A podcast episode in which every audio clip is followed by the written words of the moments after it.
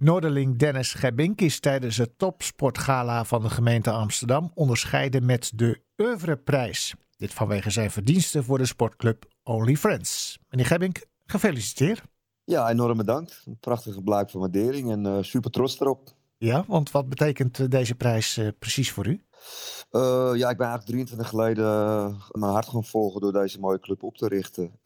ja, nu 23 jaar later dat je deze prijs toegekend krijgt ja, is denk ik een enorme blijk van waardering van al het werk uh, wat ik dag in, dag uit, 24 uur per dag doe. Dus ja, dat is denk ik heel fijn om uh, in ontvangst te mogen nemen. Ja, even over de sportclub Only Friends. Misschien kennen mensen die dan in die 23 jaar toch nog net niet.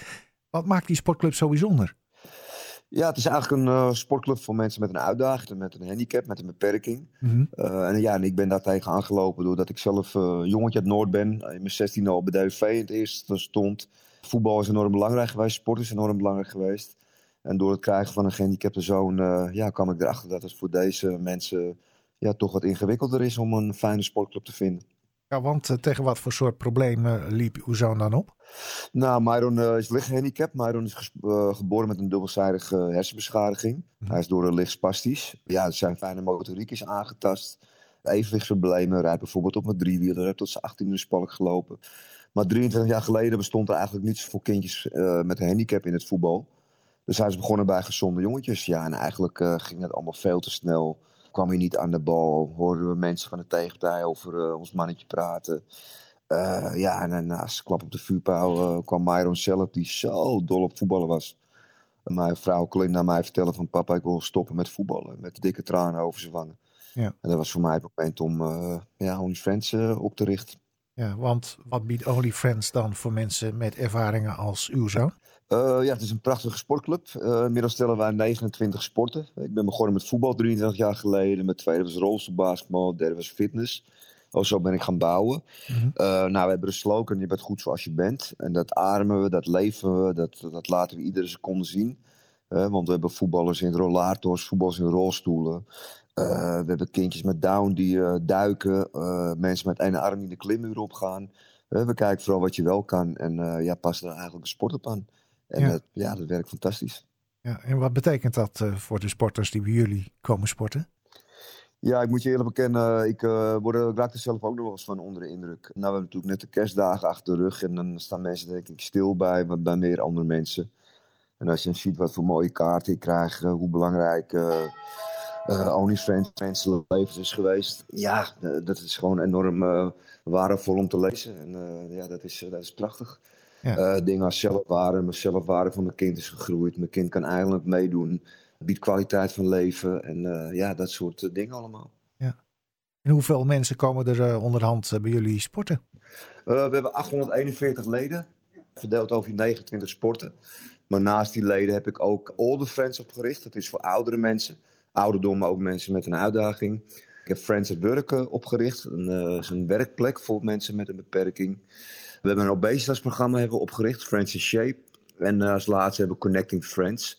Dat is een samenwerking met scholen uit speciaal onderwijs. Mm -hmm. Ja, dus het centrum wordt, wordt prachtig gebruikt. Van ja. Sportclub Only Friends sporten veel kinderen twee keer in de week. Ja, want jullie hebben een eigen centrum, hè?